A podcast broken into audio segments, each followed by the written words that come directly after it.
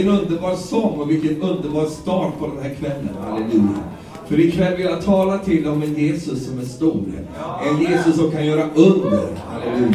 Du förstår, Jesus är inte en tanke. Han är en person. Halleluja. Och han är en levande verklighet och vi tror det och vi har erfarit det i våra liv. Och jag är så glad för den här kvällen. Jag bara känner mig glad direkt när jag kom in här. Halleluja. Jag gillar att vara på, på dansgolvet.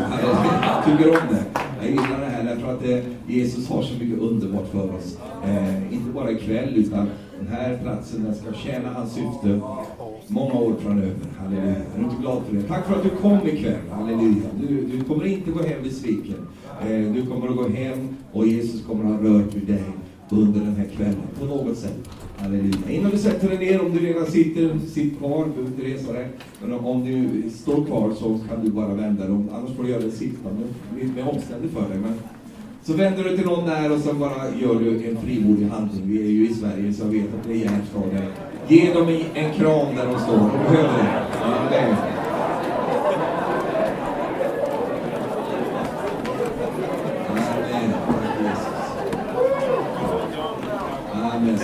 Varsågoda och varsågoda simpa ner.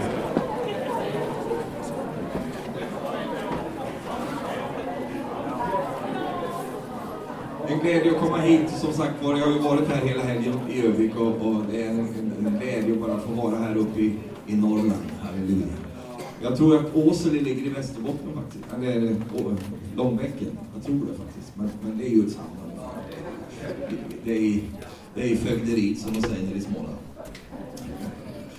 Halleluja. Amen. Ikväll vill jag föra dig till Guds ord. Vi ska läsa eh, en berättelse. Eh, evangelierna är ju så underbara i det att det står så många berättelser där. Händelser, människor från alla olika eh, walks of life eh, får möta denne Jesus till förvandling. Och de står ju där, de där berättelserna, inte bara för berättelsens skull, utan de står ju där för att de förmedlar någonting till oss. Och ikväll ska jag föra dig till en berättelse som bibelläsaren, hur många är bibelläsare här? Hur många vill vara bibelläsare? Ja, det kommer mer händer upp här. Hur många kunde ha varit bibelläsare? Okej, okay. vi har alla här ikväll då. Eh, men den som har läst en bibel och, och har du levt eh, länge här på jorden så, och, och, är van att gå i kyrkan och så vidare, då, då kommer du känna igen den här texten ikväll. Eh, därför att den här texten har du hört många gånger. Eh, och jag ska förklara lite grann för dig eh, min bakgrund till den här texten som vi ska läsa ikväll. Men jag, jag vill inte förekomma det nu, utan vi läser ifrån Markus evangelium kapitel 5 och vers 25. Här har vi en av de här berättelserna. Och jag tycker om att, förkunna ur bibelberättelserna. Och ta, använda de texterna för att tala om vem denne Jesus är. Eh, och eh, här har du ett underbart exempel på både vem Jesus är, vem, vem vi kan vara ibland, och hur vi kan vara det och vad Jesus kan göra i människas liv. Och eh, det här kommer att angå och beröra dig under kvällen också. I vers 25. Där var en kvinna som hade haft blödningar i 12 år. Fastän hon hade lidit mycket hos många läkare och lagt ut allt hon ägde, hade hon inte fått någon hjälp. Det hade bara blivit sämre med henne. Hon hade hört talas om Jesus och nu kom hon bakifrån i folkmassan och rörde vid hans mantel. För hon tänkte, om jag så bara rör vid hans kläder så blir jag frisk. På en gång upphörde hennes blödningar och hon kände i kroppen att hon var botad från sin plåga. När Jesus märkte att det hade gått ut kraft från honom så vände han, vände han sig om mot folkskaran och frågade, vem rörde vid mina kläder? Hans lärjungar sa till honom, du ser hur folket tränger sig in på dig och du frågar, vem rörde vid mig? Men han fortsatte att se sig omkring efter kvinnan som hade gjort detta. Och hon visste vad som hade skett med henne. Och hon kom förskräckt och darrande och föll ner för honom och talade om hela sanningen för honom. Då sa han till henne, min dotter, din tro har frälst dig. Gå i frid och var frisk och fri ifrån din plåga.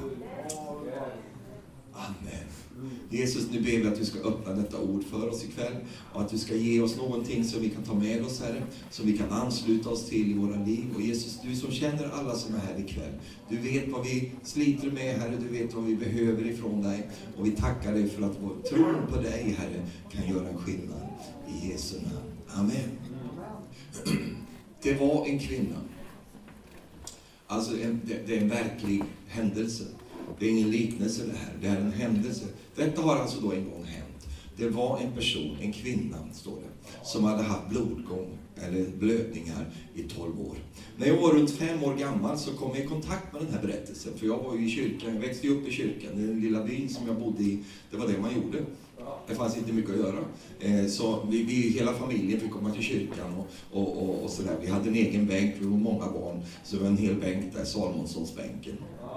Där satt vi och pappa tog med oss till kyrkan. Så jag, jag var ju liksom van med, med predikningar och med sånger. Och när man är fem år gammal så, så snappar man ju upp saker och ting. Och då fick jag höra om den här kvinnan med blodgång, heter det på den tiden. Blödningar. Eh, och eh, när man är fem år så vet man ju inte mycket om den typen av problematik. Man har ingen aning om vad det är stort för egentligen. Men jag, jag, jag kopplade det på det sättet, jag, jag trodde hon hette så. Kvinna med blodgång. Så jag tänkte det, det var speciellt det här, för jag fick aldrig höra något annat namn över henne. Det var aldrig något annat som sa mer än att hon, hade, hon var kvinna med blodgång. Eh, och, eh, och det här har jag ju då följt sen när jag har blivit äldre och så vidare, så har jag ju ofta fått höra detta. Ja, ni kom, ja, har ni läst om kvinna med blodgång? Jag har hört sånger om kvinna med blodgång. Och i, i, I Norge så hör man det ofta för att det där fanns en tradition att sjunga det här och då sjunger man den blodfattige kvinnan. Eh, alltså kvinna med blodgång. Eh, men jag kan ge er en liten uppdatering här ikväll om ni inte har fått reda på det här. Att den här kvinnan alltså, hon har idag ingen blodgång. Hon har varit helad i 2000 år. Men genom hela kyrkohistorien så heter hon kvinnan med blodgång.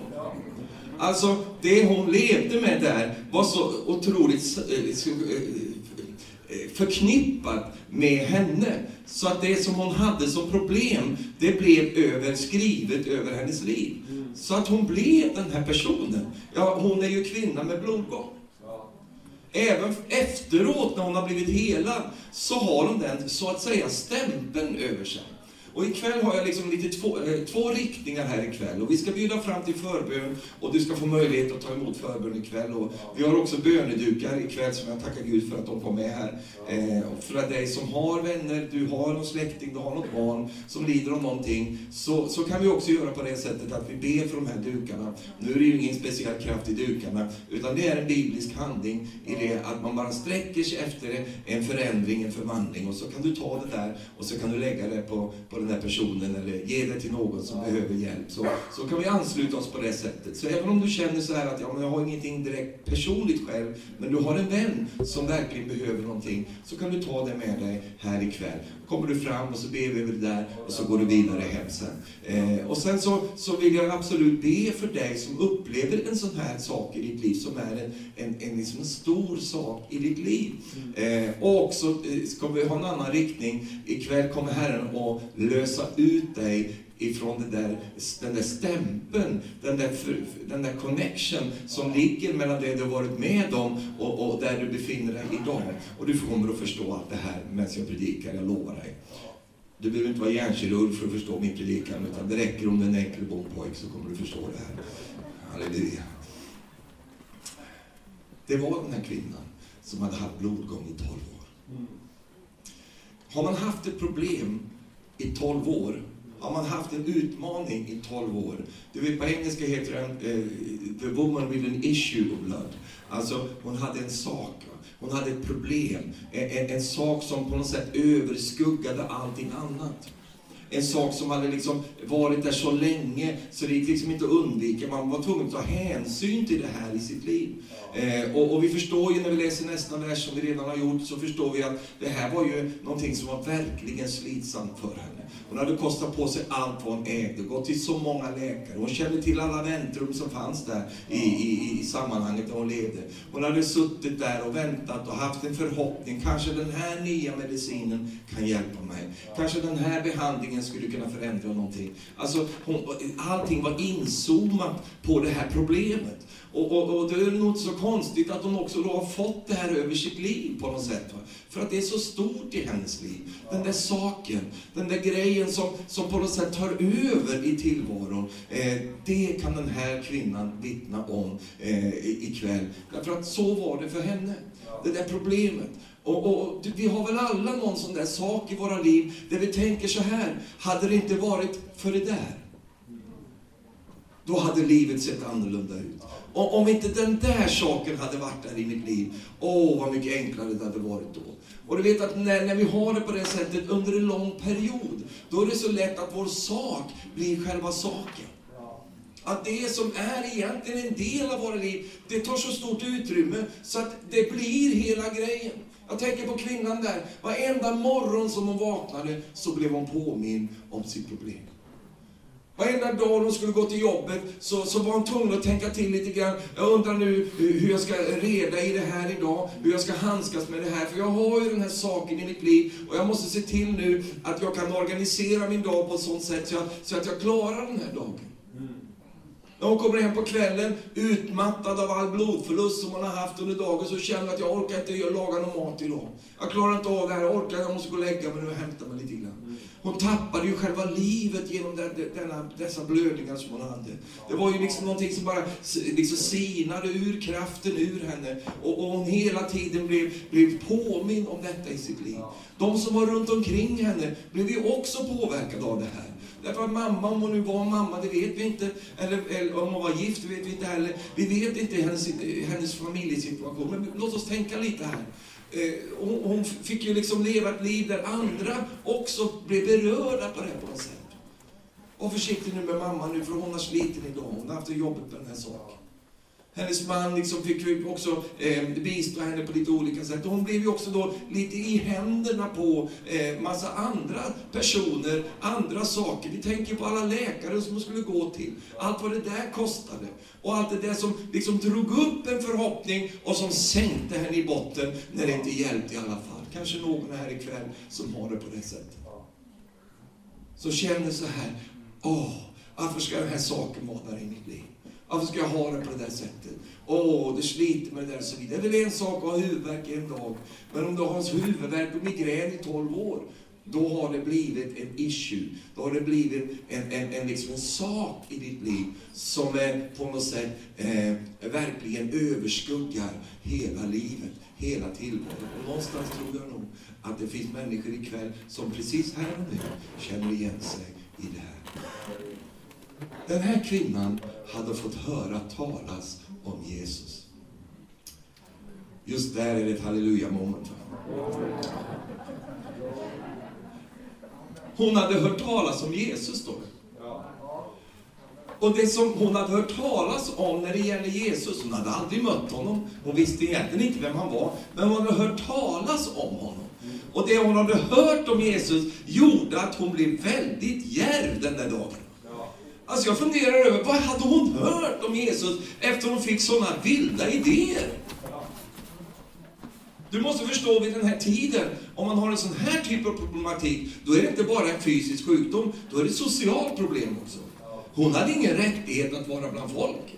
Hon var ju hon, hon, hon var ingen rättighet att liksom komma på något sätt där hon råkade beröra någon rent fysiskt. Det var så på den tiden. Så den här kvinnan har ju inte bara egna problem, alltså, utan hon får ju ta hänsyn till den sociala sättningen också. Så för henne, att bara vara där i folkhopen, det var en djärv sak för henne. Inte undra på att hon darrade och rädd kom fram till Jesus, därför hon visste ju inte riktigt vad som skulle hända här nu. Det är lite svårt för oss att förstå det där, men så var det i alla fall vid den här tiden. Hon kallades för oren. Men ändå så var hon så djärv att de vågade komma där i den där folkhopen och göra det hon gjorde. Då funderar jag på, vad är det hon har hört? Som man har fått sådana vilda idéer. Hon har hört att den Jesus som, som de pratar om, han är Jesus som hjälper sådana som mig. Han är Jesus som, som inte stöter bort sådana som mig, utan faktiskt om man kommer till honom så får man hjälp. Den spetälske mannen som hade blivit helad i byn där han bodde, han kom kanske och berättade för henne, vet du en sak att jag, jag var untouchable, men Jesus rörde vid mig och helade mig. Hon hade hört om Jesus, vad han kunde göra, och det hade väckt någonting i hennes hjärta. Hon hade fått tro. Och denna tro utlöstes på ett speciellt sätt i hennes liv. För hon började fundera och tänkte så här, hon fick en egen idé. Och tänkte, om jag bara får röra vid hans kläder så blir jag hjälpt. Vad har vi hittat på det någonstans? Hon hade ju inte gått på teologisk skola eller liksom eh, utbildat sig i röda kläder i liksom teologin. Va? Hon hade ju inte några sådana grejer. Hon bara fick en idé. Va? Och hon visste att om jag rör vid honom och vid hans kläder, då blir jag frisk. Halleluja. Trots alla hopplösa försök till att få hjälp och allting det som hon hade levt med, så hade hon ändå en gnista kvar på insidan som gjorde att hon ännu ytterligare en gång kunde pröva en, en, en väg framåt. Du kan ju tänka dig själv hur besviken hon måste ha varit på alla, det var ju manliga läkare på den tiden, alla eh, liksom män som eh, var utbildade och försökte hjälpa och gjorde så gott de kunde. Och vad besviken hon måste ha varit varje gång. Och ändå så fanns det liksom en, en slags gnista kvar där inne. Som ändå sa till henne, det går nog att försöka en gång till. Jag prövar med den här nya tekniken. Jag, jag, jag tar och rör vid hans kläder, så kanske jag blir frisk. Och inte bara kanske, hon säger, jag kommer att bli frisk om jag gör det. Så kommer hon bakifrån i folkhopen och så rör hon vid hans kläder. Och omedelbart så känner hon att hon har blivit helad. Boff! Och, och det, det, det, kan ju inte vi män förstå hur det känns, men det kände hon i alla fall. Helad blev hon, direkt. Nu är jag frisk, kände hon där på något sätt. Blodflödet stoppade och hon, oh yes! Och då händer någonting. Jesus stannar upp. Och han vänder sig runt och frågar, vem rörde vid mig? Lärjungarna har ju standardsvar, alla. Alla rör vid dig, det ser du ju. Alla håller på att röra på dig. Vi är ju mitt i en crowd här. Hur kan du fråga en sån sak? Men Jesus är inte nöjd, han står kvar. För han ska veta vem det är som har rört vid honom. För han säger, någon har rört vid mig på ett sätt som gör att, jag, att kraft lämnade mig. Jag vill veta vem det är. Jag är väldigt intresserad av att veta vem som har rört vid mig. Han ger sig inte. Vet du. Och till slut så inser ju kvinnan det, jag måste avslöja sanningen här. Så kommer hon ju till Jesus, darrande, bävande, kommer hon och avslöjar hela sanningen. Och så kommer detta underbara förlösande som ska läggas på dig ikväll också. Då vänder sig Jesus till den här kvinnan. Och vet du vad han säger? Min dotter. Han säger inte du kvinna med blodgång där. Utan han säger min dotter. Han säger inte du cancersjuke. Han säger inte du ADHD-are. Han säger inte du HV71. Han säger inte, han säger inte de sakerna. Han, han liksom lägger inte det över hennes liv, utan han säger min dotter. För mig, jag blir varm i hela hjärtat när jag tänker på det här. Varför då? Därför att du förstår, Jesus han har bara två typer av människor som han relaterar till. Det är döttrar och det är söner. Och här ikväll så har vi de här två typerna av människor här ikväll. Vi har döttrar och vi har söner till Jesus här ikväll. Halleluja. Min, ja låt den komma bara, den är på vägen då. Den rullar fram. Amen. Så just detta är så underbart. Och det är liksom den andra delen i den här förkunnelsen. Det är just det här att saker kan läggas över våra liv som Jesus aldrig lägger över våra liv. Antingen att vi gör det själva på grund av att vi har den här saken, den är så stor i våra liv så den har blivit oss. Vi har blivit det där, den där diagnosen. Vi har blivit det där problemet. Och, och det, det liksom själva problemet krypit in i hela tankelivet och, och, och, vi börjar agera utifrån det här. Som om vi vore de här sakerna. Men du förstår, det är inte ditt namn, säg tack och lov.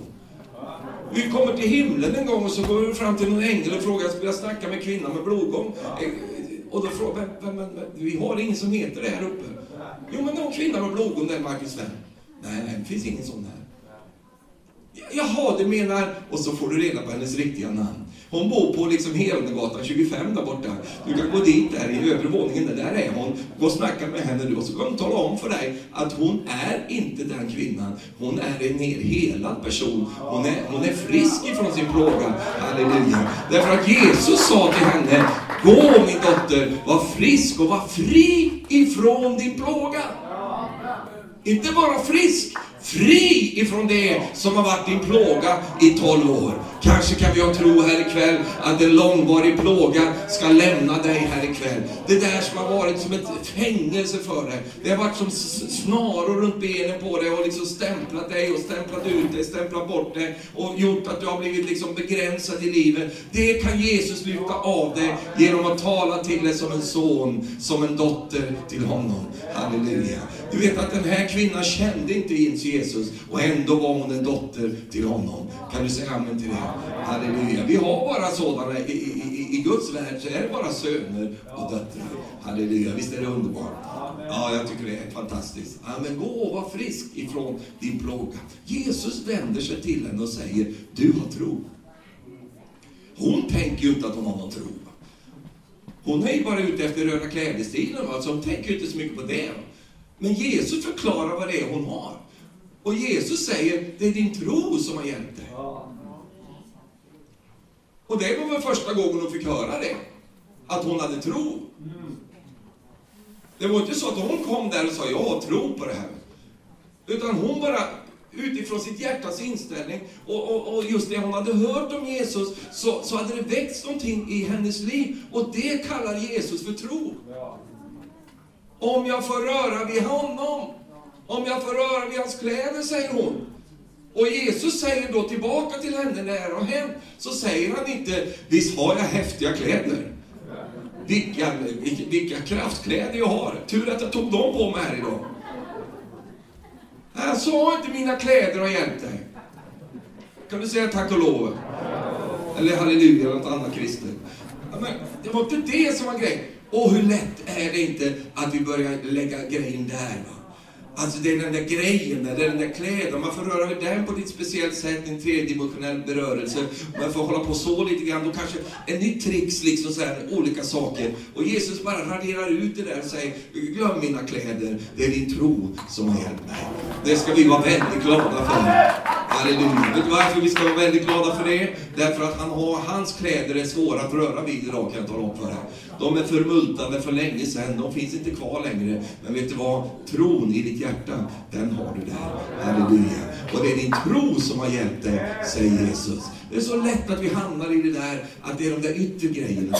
Om jag, om jag liksom tar den där oljan direkt ifrån liksom Israel på något sätt och häller den lite över där, så blir det, och vi liksom blir nästan som, som eh, ska vi säga, lite vidskepliga i det här och tänker att det är någon lite specialare där på något sätt, va? lite eh, beröring där och så vidare. Och ikväll så ska du inte rycka i mina kläder. Du ska inte rycka in på det sättet, utan vi ska sträcka oss till Jesus med tro i våra hjärtan. Om jag bara får röra vid honom så kommer jag att bli hjälpt. Halleluja. Din tro har hjälpt dig. Han lyfter av hennes, hennes börda och han ger henne också en fortsättning med en ny identitet över hennes liv. Det är vad Jesus kan göra. Halleluja. Visst är det så att det, det är så lätt att både det läggs stämplar på oss och att vi ibland själva lägger stämplar på oss. Och vi är ibland duktiga på att lägga stämplar på andra. Ja, men här kommer ju han, liksom, han, han var ju alkoholist. Va?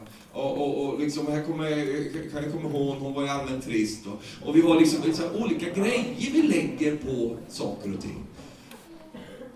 Någon säger, men jag är norrlänning. Ja, det är ju delvis sant, men vet du vad du är framför allt? Du är en son eller en dotter till Jesus. Halleluja. Sen kan du bo i Norrland, men det är ju inte, det är inte den Jesus kallar. Hör du norrlänning, kan du komma hit och ska hjälpa dig? Utan säger, min son, kom, min dotter, kom, jag vill hjälpa dig, jag vill välsigna dig. Halleluja. Någon säger, ja men jag är svensk. Ja, det är du till viss del och jag ser ju det på dig också. Men, men vet du vad? Du är framför allt en son, en dotter till Jesus. Kan du säga amen till det? Och det vill jag säga till dig, om du finns här och kommer från ett annat land, så ska du veta, du, du ska säga, men jag är flykting. Ja, men det är kanske det som är din utmaning nu, men det är inte det du heter. Du är en son eller en dotter till Jesus. Halleluja. Och som sådan så ska du få hjälp av honom. För han älskar att hjälpa sina barn.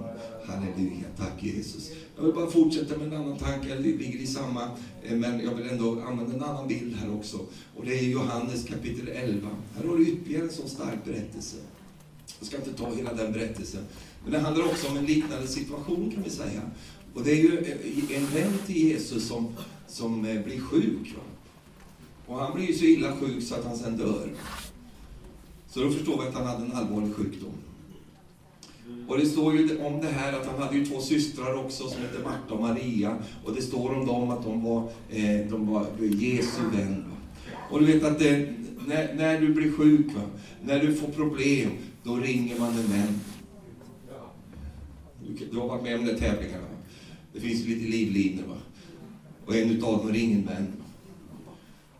Du ringer ju inte till sura Berra va, som aldrig någonsin kommer att hjälpa dig, som bara snor dina tändstift från mopeden och håller på sådär. Va. Det är inte honom du ringer när du får problem, du ringer ju din vän. Va. Visst är det så? Varför ringer du din vän för? Jo, därför att där utifrån vet du att där får du inte bara liksom någon form av teori, utan du möter ditt hjärta där. Din vän vill hjälpa dig. Men du vet, det finns tillfällen då din vän vill men inte kan. Men sen finns det en annan vän som både vill och kan. Och den vännen heter Jesus. Och det visste de här systrarna. De visste att Jesus kan fixa allt. Jesus kan hela våran brorsa här. Han kan hjälpa oss. Va? Så de skickar ett sms till Jesus och, och, så säger de Jesus kan du komma och hjälpa oss? Brorsan är sjuk här. Han, han, han mår inte alls bra här. Och Jesus han, han bara ser det smset och pratar med sina lärjungar och säger och kolla jag fick ett mess ifrån, från, från Marta här nu. Och, och eh, vad ska vi göra? Det är klart att vi måste gå och hjälpa vår vän här. Han, han, har, han har jobbigt, han, han sover säger Jesus och, och, och, så vidare. Och det tyckte ju de andra inte var så allvarligt. Så säger de, man sover så vaknar han väl så småningom. Och då så var Jesus tvungen att säga, han är död. Då, då sover man rätt djupt om man är det. Så då, då så säger Jesus efter ett tag, då blir ju uppgivna lärjungarna, om man är död. Då, då är det ju inte så vidare värst att gå dit. Då. då får vi gå dit på hans begravning. Eh, men, men Jesus, nej, vi, vi går dit för att väcka upp honom, säger Jesus då. Och det här har ju sitt eget lilla drama det här. Och så småningom kommer ju Jesus då till den här platsen. Och då har ju han dött, Lazarus. Då är han ju död. Och eh, då, då så är ju inte Jesus så nöjd med det. Utan Jesus har ju en plan här. Va? Han vill ju väcka upp Lazarus. Han vill ju hela Lazarus ifrån det här problemet. Eh, och det här är ju otroligt dramatiskt om vi tänker efter eh, vad som hände här. Men, men då så säger Jesus så småningom till systrarna, eh, jag vill gå till där han ligger.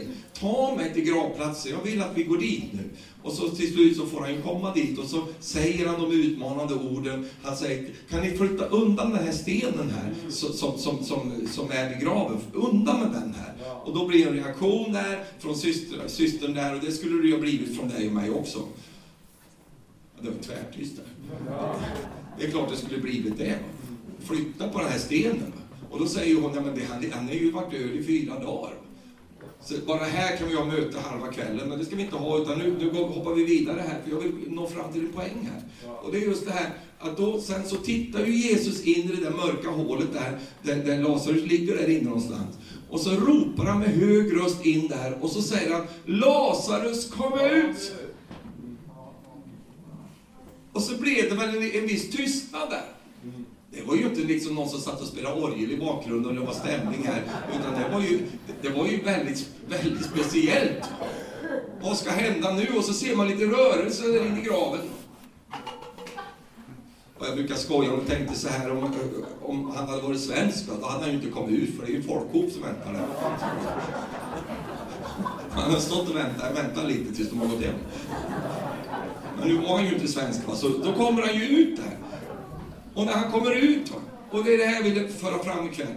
När han har sagt detta så är det i Johannes 11.43, du kan bara lyssna.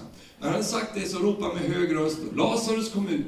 Och titta i vers 44 vad som händer då. Då kom den döde ut. Alltså hur lyckas man att komma ut om man är död? Ser du här? Direkt så har han nu blivit den döde. Och det är inte Jesus som kallar honom, kan den döde komma ut här nu? Utan Jesus säger Lazarus kom ut. Och så får han det lagt på sig i bibelbeskrivningen, då kommer den döde ut. Och det är ju fantastiskt att han kom ut. Men Jesus är inte nöjd med det, förstår du. Varför är han inte nöjd med det för? Jo, därför att Jesus vill inte att Lazarus ska vara kopplad till den grav som han en gång har legat i. Han vill inte det. Varför då? Därför att det, det som han har varit med honom om i hans liv, nu är det ju väldigt dramatiskt, men, men det ger ändå klarhet till det du har varit med om. Du har ju inte varit död, men, men, men så, så alla finns ju i spektrat här nu. Han vill inte att det du har gått igenom ska bli det du heter. Han vill inte att det som du har mött i ditt liv och, och, möter i ditt liv ska bli liksom ditt signum. Han vill inte att det ska vara det som står skrivet över dig. Jag tänker på det här. Det förstår du ju eftersom jag säger att jag tänker på det. Jag tänker, jag tänker mycket på det här. Hur lätt är det inte på grund av en dramatisk erfarenhet en dramatisk händelse i människans liv, att det sen häktar sig vid och liksom fortsätter att följa den här personen. Trots att den här personen nu inte är död längre. Nu är han ju i allra högsta grad levande. Du kan ju inte komma ut om du är död. Men nu kom den död ut. Och då tänker jag så här, och jag vill skicka det till dig ikväll. Du förstår att det du har varit med om, det ska bli ett vittnesbörd som du ska ge till människor. Men innan Gud kan använda ditt vittnesbörd så måste han befria dig ifrån ditt vittnesbörd. Han måste få dig att komma till en distans till det du har gått igenom så att inte det är det som präglar hela ditt liv. Utan att du är fri ifrån det som du har gått igenom. Sen kan Gud använda det du har gått igenom. Halleluja. Kan du säga amen till detta? Oh, man känner att det är en bra predikan det här. Oh, halleluja. Det där är så lätt. Jag, jag tänker på det. Om nu inte Jesus skulle ha gjort det vi läser om sen här. Så, så visst, vilket våldsamt vittnesbörd Lazarus skulle ha haft i sitt liv. Jag menar, här, vi har Broder Död ibland oss här. Han ska vittna nu om hur det är att vara död. Och, och, han har haft det här i sitt liv och så vidare. Han har lite glittbindlar och grejer med sig här ikväll. Han kan visa sig som bevis. Att han skulle kunna slått mynt på det här. Alltså, han skulle ju fylla Folkets park något våldsamt här flera gånger om. Ett tag! Tills man har hört om det här tillräckligt många gånger. Ja, ja, jag vet, jag har hört du var död, låg där fyra dagar och allt det där. Och viftade med en likbindel där och kört lite gravklädetricks där. Ja, det är du det va. Men du förstår, Jesus, han värderar dig mycket högre än dina graverfarenheter. Han, han värderar dig mycket mer än den, där diagnosen som du kanske har i ditt liv. Han värderar dig som en fullvärdig människa. Inte som en som har en händelse, utan som en som har ett namn skrivet över sitt liv. Vare sig du har det där eller inte i ditt liv, så är det ändå inte det du heter. Halleluja. Åh, oh, prisat vare Herrens namn. Och Jesus, han är så underbar här, så han är inte nöjd med det här. Utan han säger så här, halleluja. Oh. Och man tänker sig, varför, varför säger man den döde? Jo, men när han kom ut, han såg ju ganska död ut. Jag tror att han hade väldigt mycket som var connectat med den där erfarenheten kvar på sig. För det står att han kommer ut med händer och fötter inlindade i bindlar och med ansiktet täckt av en duk. Det ser ut som ett spöke som kommer ut där. Och det är klart att då har han väldigt mycket kvar utav sin erfarenhet över sitt liv. Det är ju häktat sig på, Och du vet att det var inte, han hade ju inte lagt det på honom. Han var ju död. Så han hade ju inte legat där inne i graven och bestämt, jag vill ha rosa likbindare här och jag vill ha liksom en, en röd duk över mig. Nej, han hade ingenting så, han hade ingenting med det att göra. Andra hade lagt det på honom. Och jag vill koppla det till Jesu grav. Du vet, när Jesus står upp i graven så lämnar han allting som tillhör graven i graven. Halleluja. Och han går ut där utan sina gravkläder. Halleluja. Jesus är bara märkt av sitt kors. Halleluja. Det har han märkena kvar från. Men han är inte märkt av sin grav. Halleluja. Kan du säga amen till det? Vet du varför? Det var inte han som la sig i graven, det var andra som gjorde det. Det var inte han som klädde på sig likbyggnader, det var andra som gjorde det. Utan när Jesus stiger upp i graven så lämnar han allting som tillhör graven. Halleluja. Jag sa halleluja. Och ska du möta honom min vän, då går du inte till den minnesplatsen, utan du går till den levande Jesus som är uppstånden ifrån de döda. Halleluja. Och jag vill säga det till dig ikväll min vän, att om det är så i ditt liv att du har saker som fortfarande binder upp det där i ditt liv, det häktar sig kvar vid dig på något sätt. Och, och det är där över ditt liv. Det är kanske andra som har lagt någonting över dig och som har liksom präglat dig på något sätt. Alltså, en del människor vill inte att du ska bli av med det där, för de vill ha dig där. De vill att du ska vara den där alkoholisten som aldrig riktigt, riktigt blir rumsren på något sätt. Ja, du, är, ja, du har ju det. De vill att du ska ha det där över, för det är lättare för dem kanske att förhålla sig till det. Men Jesus vill inte det. För Jesus vill lösa det, inte bara från problemet, utan det som har hettat sig vid det som har varit ett problem i ditt liv. Han vill befria dig helt och fullt. Halleluja! Amen, tack Jesus. Och varför han är så mån om det, det är ju för att han vill bruka det som du har gått igenom. Han vill använda det till sin härlighet, till, till välsignelse för andra människor. Men han vill att du ska vara fri ifrån det, så att inte du går upp helt i det där, så att du är den där personen. Man tänker om Lazarus fortfarande skulle ha haft en lödes liksom, etikett över sig. Då skulle jag säkert, han skulle ju blivit använd. Va? Absolut. Men han blir ju aldrig inbjuden på några partys. Vi kan ju inte ha en död ibland och säga bara han är ju en partykiller. Va? Utan det blir begravningar och liksom lite svåra saker som man får tala lite olika saker, erfarenheter i livet och sånt. Va? Men du förstår, han, han, han var ju mer än de sakerna. Han var ju en person. Va? Kan du säga amen till det? Amen. Halleluja. Jag har mycket tuffa grejer som jag har gått igenom i mitt liv. Och jag är så glad att Jesus inte bara hjälper mig med de här grejerna, utan han också hjälper mig att distansera mig från det här. För jag är en egen individ med massa händelser i mitt liv. Men det är inte det jag är. Det är det jag har och gått igenom allt sånt där. Men jag är en annan person. Jag är vad Jesus säger att jag är. Halleluja. Kan du säga amen till det? Jag vill gå på partys, jag vill gå på fester. Jag har mycket sorger i mitt liv, men det är inte den jag är. Halleluja. Så han hade ju kunnat bli använd jättemycket på sådana olika, lite svårmodiga grejer kanske, men inte på de där andra sakerna. Men Jesus vill att han ska vara fullt använd och ha ett obegränsat liv tillsammans med honom. Kan du säga amen till det? Vet, ibland är vi snabba på att sätta diagnoser på människor. Vi är snabba på att placera människor där. Nu är inte jag emot att man får en diagnos, men jag är emot att man heter diagnosen. Diagnoser kan ju hjälpa dig att verkligen liksom zooma in vad det är vi behöver göra och så vidare. Så det är jag inte emot. Men inte det att det växer över så att det blir hela personligheten.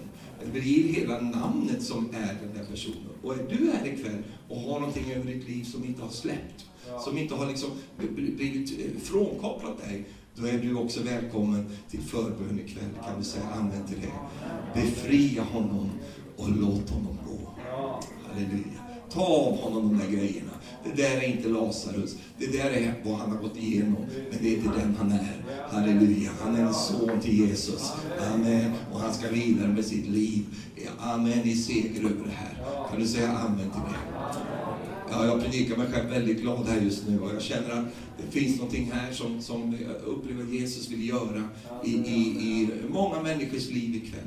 Kanske är det så att du har den här saken i ditt liv och du kämpar med det och det, det är tufft för dig. Eller också är det någonting som du kanske egentligen har kommit igenom. Du är igenom det där. Men fortfarande är det som att de där kläderna på något sätt bara hettar sig fast vid dig. Och det är där i ditt liv och du, du liksom kommer inte förbi det på något sätt. Då har Jesus en, en, en befrielse från det också. Halleluja, han tar av dig de där sakerna. Och så ger han dig en fräsch fortsättning med ditt liv. Amen. När man ska leta efter dig så går man inte till graven där du har varit. Och nu kan graven stå för fler saker. Man går inte till det där problemet för att hitta dig. Man hittar dig någon annanstans i ditt liv. Du har en fortsättning med ditt liv. Kan du säga amen till det? Jag ska bara avsluta och berätta en liten sak när det gäller Marie min, min fru som inte är här ikväll, men, men som är min fru.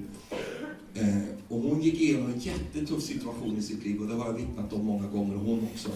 Eh, hon fick cancer och, och du vet ju hur cancer är. Cancer är ett kraftord. Va? Det, är liksom, det är ett otäckt ord för, för många människor, därför att det har så mycket av död just i sig. Mm. Hon fick ju det där och jag såg hur hon kämpade med det där och det var otroligt tufft och jättejobbigt. Och bara, vi brukar säga det, det var bara genom nåd va, så, så sparades hennes liv och hon, hon kom igenom. Nu vet jag att det, det händer inte alla, men det hände Marie och det är jag otroligt tacksam över. Otroligt tacksam Någon säger, vad hade ni för knep?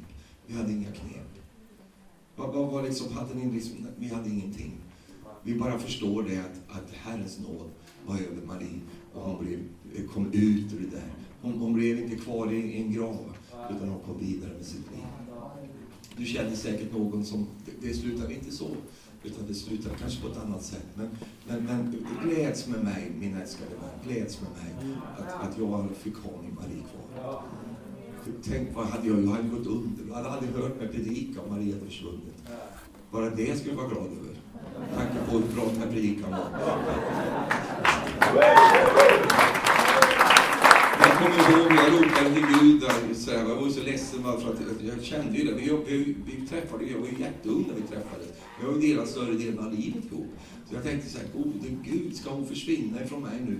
Och, och så där. Det, var så, det var så jobbigt. Så jag bara suckade till Gud, du kan inte, nej det kommer inte gå det här. Eh, och, och så där. Och, så Gud bara sparade hennes liv. Så hon kom igenom det här genom att hon borrade sig in i Gud och fick ta på Guds löften. Och jag hörde ju hon pläderade sin sak inför Gud och sa, Gud jag vill inte dö. Jag vill inte det, jag vill leva. Jag vill leva för Stefans skull, jag vill leva för din skull, jag vill leva för mina barns skull. Jag vill inte, och jag sa fortsätt med det, mycket Stefan, det slänger mycket sånt där. Jag vill fortsätta, jag vill inte dö. Åh, tack och lov att hon, hon, hon inte gjorde det. Och sen då kom hon igenom allt det här och, och, och, det var ju härligt och så vidare. Sen fick hon åka på sådana här efterkontroller några gånger och sådär bara för att man kollade att, att, det, att, det, att cancern var inte där och, och så vidare. Att den inte, ja, allt sånt där. Eh, och, så, så, så, och det gjorde hon några gånger. I sammanhanget hade vi flyttat också då, så skulle vi besöka en dag eh, ett nytt sjukhus då, där hon inte var känd och, och sådär. Och då så säger hon till mig på morgonen, så det är måndag det här, säger hon på morgonen, nu har du ju ingen cancer, nu är ni fri från det där. Så, så då kommer hon eh, till mig på morgonen och säger, Stefan, idag får, vi, idag får du vara på alerten. Så. Därför jag, jag bara känner att idag måste du vara på alerten. Så. Och jag ville ju inte vara på alerten, det var ju måndag, jag var ju ledig. Jag, jag kände, ja, som vi gubbar kan bli ibland. Så, så, men jag bara sa ju till henne, ja, jajamän, jag är med. Och det var jag ju verkligen fysiskt, så var jag med. Men då så kom vi till sjukhuset där, vi sitter i väntrummet och allt sånt där och vi satt där och, och väntade på, på den här doktorn och skulle komma och liksom prata med henne. Så det dröjde ganska länge och sen till slut så kom ju doktorn då. Så, och det var en kvinnlig doktor. Och det är ingen skugga över, det, över doktorn så, men, men det är principen jag är ute efter. Så går hon fram till Marie så här och så, så, så, så, så bara liksom, jag ser direkt att det hon är stressad. Va? Det, det liksom varit mycket den här dagen säkert. Va? Och, och sådär. Hon är stressad och kom, kommer in där. Jag ser precis liksom det där. Jag ser hon kommer in där. Så går hon fram till Marie och säger hej, hej jag heter så och så, säger hon. Och jag går runt här nu och hälsar på alla cancerpatienterna. Och Marie bara blängde till på henne. Vad sa du? Vad kallade du mig? Ja, jag, jag, heter, jag, jag går runt och hälsar på cancerpatienterna här. Men jag är ingen cancerpatient, sa Marie. Jag heter inte cancerpatient. Jag heter Marie. Och då blir det sådär jobbigt tyst som det bara kan bli när två kvinnor har bestämt sig på något sätt. Och det, blir, det blir den, den där spänningen där som vi män hatar av allting. Och då så tack gode gud att det fanns en tidning där så jag, så jag, började, jag började läsa den där tidningen där. Oh det var ju så väldigt viktiga artiklar den där dagen jag tittade så jag kände mig så djupstuderad det här. Och jag bara kände det bara sprakade i, i atmosfären. Så det var ingen otrevlighet för övrigt, utan det var bara den där känslan utav en bestämdhet. Va? Och, och jag var ju nere i artiklarna där och, och läste liksom olika saker som hände i Gränna och Huskvarna och sådär viktiga grejer, världshändelser. Och höll på där polkagrisarna är, liksom färgade rätt i år och, och allt möjligt sånt där. Mycket viktiga saker. Och så känner jag hur det här pågår här. Va? Och, och Marie erkänner inte, va? utan hon bara fortsätter det här. Och så här, du kom in här nu och så, så, så bara du la det här på mig. Jag tycker inte om att du kallar mig för sånt här. Så. För att cancer är det värsta ord jag vet. Jag har precis kämpat igenom det här och kommit ut ur det här. Och så, så kommer du in här och, och håller mig där. Och då förstod ju den här kvinnan vad, vad Marie var ute efter. Och då backade hon direkt, det var jättefint. och så, och jag vet så mycket om ursäkt. Jag, och så sa hon att jag var så stressad idag och så vidare. Nej, ja, och, och jag kollade ju inte upp vad du hette och sådär, utan jag bara kom in. Nej, men det gjorde du inte. Nej. Det gjorde du inte. Och nu är jag i slutet på tidningen. Och jag är nere i serien. Alltså, på tv-program ikväll? Och då så fortsätter och man håller det där bara. Va? Man håller det där. Och så ja men, du kommer in här och du säger på det här sättet till mig och du lägger det här på mig. Du har inte ens kollat hur det är med mig. Du har inte läst min journal. Du har inte kollat igenom någonting. Så sitter jag här. Och även om det skulle vara så med vår patient här, så kan du ändå tilltala mig vid mitt riktiga namn. Ja, det ber så mycket nu, så jag ber om förlåtelse. Det är bra att du gör det, som Marie. Det är bra. Och så hade den här kvinnan glasögon. Då. Stora grejer, va? som cyklop. Så det gick inte att undvika det och se det. Och så säger hon så här. Och jag känner Jesus. Eh, eh, den där artikeln jag läste på första sidan, jag kände jag får gå tillbaka till den. Och då, hon håller det där.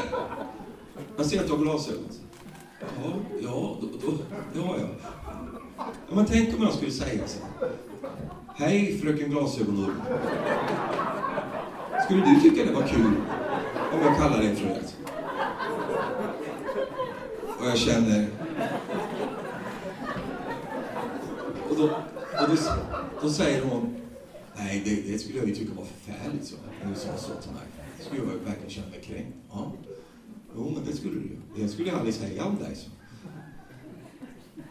Men du har ju bara frimodigt bara lagt det här med mig.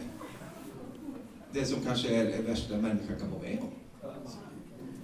Det var inga problem för läraren. Och jag tänkte, hur länge ska den här undervisningen pågå? Hon har ju fått den för länge sedan. Och så slutade det, det här slutade i vänskap, det var, ingen, liksom, det var inga knytnävar i luften och så vidare. Det var, det, men det var bestämt. Va? Det var, det, var, det, var, det var viktigt. Och då förstår jag sen efteråt, jag förstår att det, just det här var viktigt för Marie. Det var viktigt att hon blev frikopplad ifrån den här händelsen i hennes liv. För att Gud skulle komma, kunna komma använda detta, och har gjort också, i så många situationer. Där vi har liksom fritt i våra hjärtan berättat om det här för andra människor. Men det är inte hennes namn. Hon är inte hon som hade cancer. Utan hon heter Marie. Hon hette Marie när hon hade cancer också. Och du kanske sitter med en jättesvår situation, men det är inte det du heter. Du är en son eller en dotter till Jesus. Halleluja. Jesus har aldrig kallat något vid diagnos. Han, han säger inte sådana saker över människor. Han kallar oss vid söner och döttrar. Kan du säga amen till det? Jag tror du har fått den här predikan ikväll. Amen. Jag tror att har på något sätt kanske hjälpt dig. Och, och, och då ska du ikväll få uppleva hur Jesus hjälper till ikväll. Amen. Har du en grej som du kämpar med, så ber vi för det. Har du en grej som du behöver bli frikopplad ifrån, så ber vi för det. Vi ber för alla behov ikväll. Halleluja. Och allt folket sa Amen. Vi står upp på våra fötter och, och sen så bara går vi inför Jesus och, och så rör vi vid honom ikväll. Vår tro rör vi honom. Amen. Vår tro rör vi honom. Amen. Du säger, men jag har ingen tro. Det trodde inte kvinnan heller. Hon visste inte ens om att hon hade tro. Men det Jesus fick säga att det var tro du hade. Och vad är det just det här med tro? Det är att, att eh, man flyttar in alla sina ägg i en korg. Man säger, jag tror på dig Jesus. Jag tror inte på den här metoden, jag tror inte på det. Även om metoden kan vara något, ett verktyg för Jesus. Men det är inte det jag har min tro till. Jag har min tro till Jesus. Halleluja. Ja, men det är honom jag tror på. Och du har tro ikväll. Amen. Jag bara vet att du har det. Och du ska, du ska rikta den tron till Jesus ikväll. Jesus, nu tackar vi dig att vi får komma inför dig. Vi tackar dig Herre för alla olika typer av utmaningar och problem och, och saker vi kan få leva med Herre. Så som den här kvinnan som var din dotter Herre, som hade en 12-årig plåga i sitt liv. Jesus, du hjälpte henne och löste ut henne och befriade henne från denna identitet Jesus. Du bara löste ut henne Herre. Och du löste ut Lazarus, Herre. Du gav honom inte bara livet, Herre, utan du gav honom tillbaka, Herre, den här personen som han var, Herre, och som han skulle fortsätta att vara, Herre. Du hjälpte till och drog bort det som förknippade honom med graven, Herre. Du löste ut honom Jesus. Vi tackar dig för att du gjorde det. Och det vill du göra här ikväll också Herre. Du vill hjälpa människor Herre som på något sätt kämpar Herre med gamla bilder och gamla identiteter Herre. Saker som har lagts på deras liv. Utsagor, stämplar, grejer som har lagts på deras liv Jesus. Du vill bara lösa ut dem ifrån det Herre. Jag prisar och lovar dig för det. I Jesu underbara namn. Halleluja. Lovad vare du Jesus. Lovad vare du Jesus. Lovad vare du Jesus. Halleluja. Ungdomar, ska ni hjälpa till att sjunga lite här? Halleluja. Tack Jesus. Åh oh, Jesus. Gud är en Gud som gör under. Han visar fortfarande sin stora makt.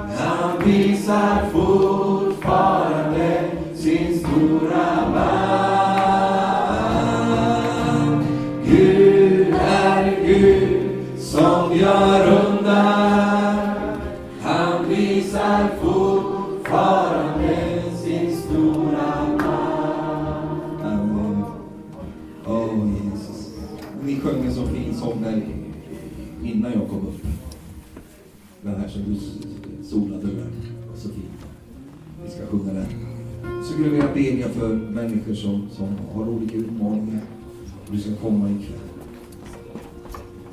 Vi ska komma ikväll. Vi ska lägga händerna på dig, med dig. Och vi har bönedukar här och du ska få komma och ta din böneduk. Och, och sådär.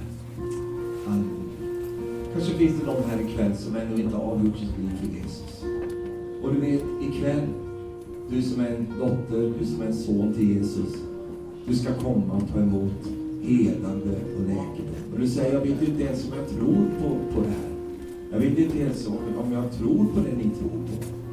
Kom i alla fall. Därför att Jesus tror på det.